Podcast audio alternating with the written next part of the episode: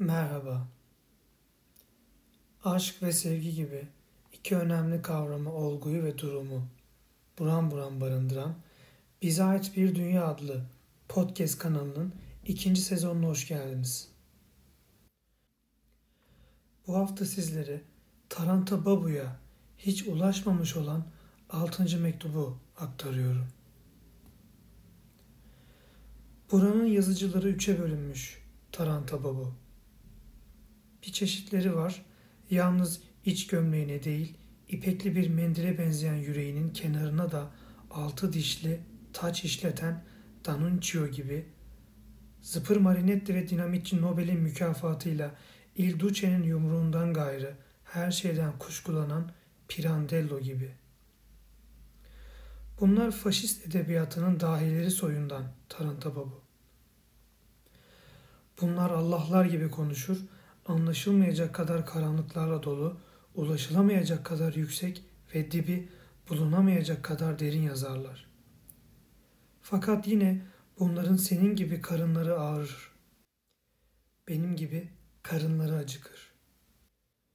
Yaşayışları ya Milanolu bir yünlü kumaşlar fabrikatörününki gibidir ya geniş topraklarında traktör üşeten eski bir prens hanedanının reisi gibi.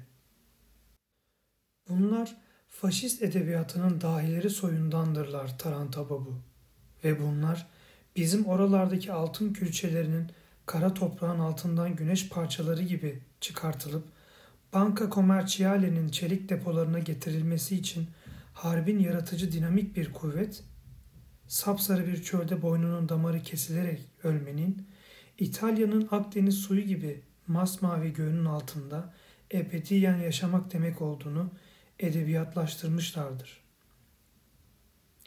Ben, üç nehirle ayrılmış üç toprak parçası gibi üçe bölünen İtalyan yazıcıların bu dahiler soyuyla yalnız kitaplarının satırlarında konuştum ve yüzlerini yalnız gazetelere basılan rötuşlu fotoğraflarından tanırım. İtalyan yazıcılar dünyasının ikinci çeşidine gelince bunlardan bir iki örnekle karşılıklı oturup konuşmuşumdur.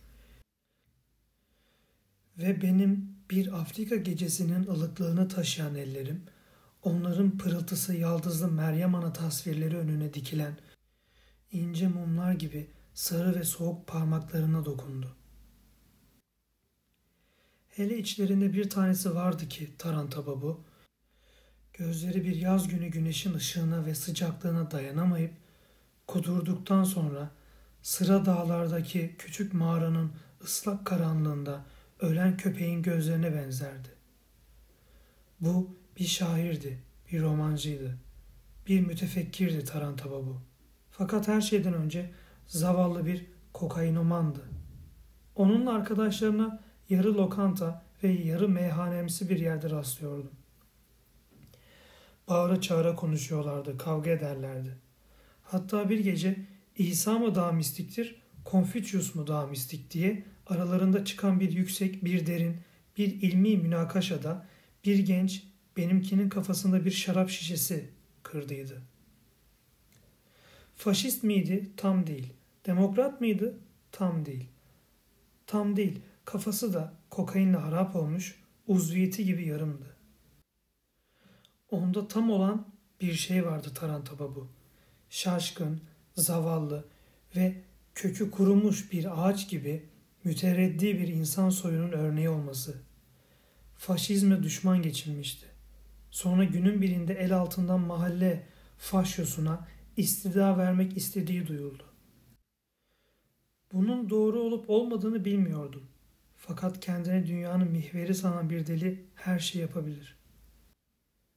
Ve o böyle bir deliydi. İtalyan faşizminin bu ikinci çeşit yazılarının ne yazdıklarını sana anlatabilmek için onun bir şiirini buraya geçiriyorum. Bu şiir o yarı lokanta, yarı meyhanemsi yerdeki toplantılardan birinde okundu. O gece hepsi oradaydılar. Yaşlı bir romancının şerefine bir ziyafet veriliyordu.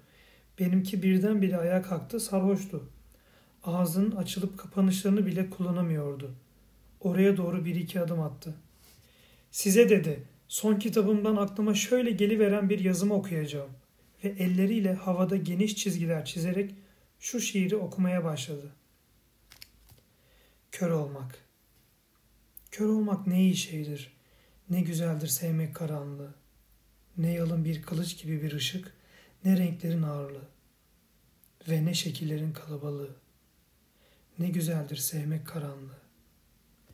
Kör olmak ne iyi şeydir. Kapalı gözleriniz çevrili içinize. Kıyısında oturup bakarsanız içinizde dalgalanan denize. Kapalı gözleriniz çevrili içinize. Kör olmak ne iyi şeydir. Körlerdir ki yalnız kendi yürekleriyle baş başa kalırlar. Ne kimseye kendi gözlerinden verirler, ne kimsenin gözlerinden alırlar.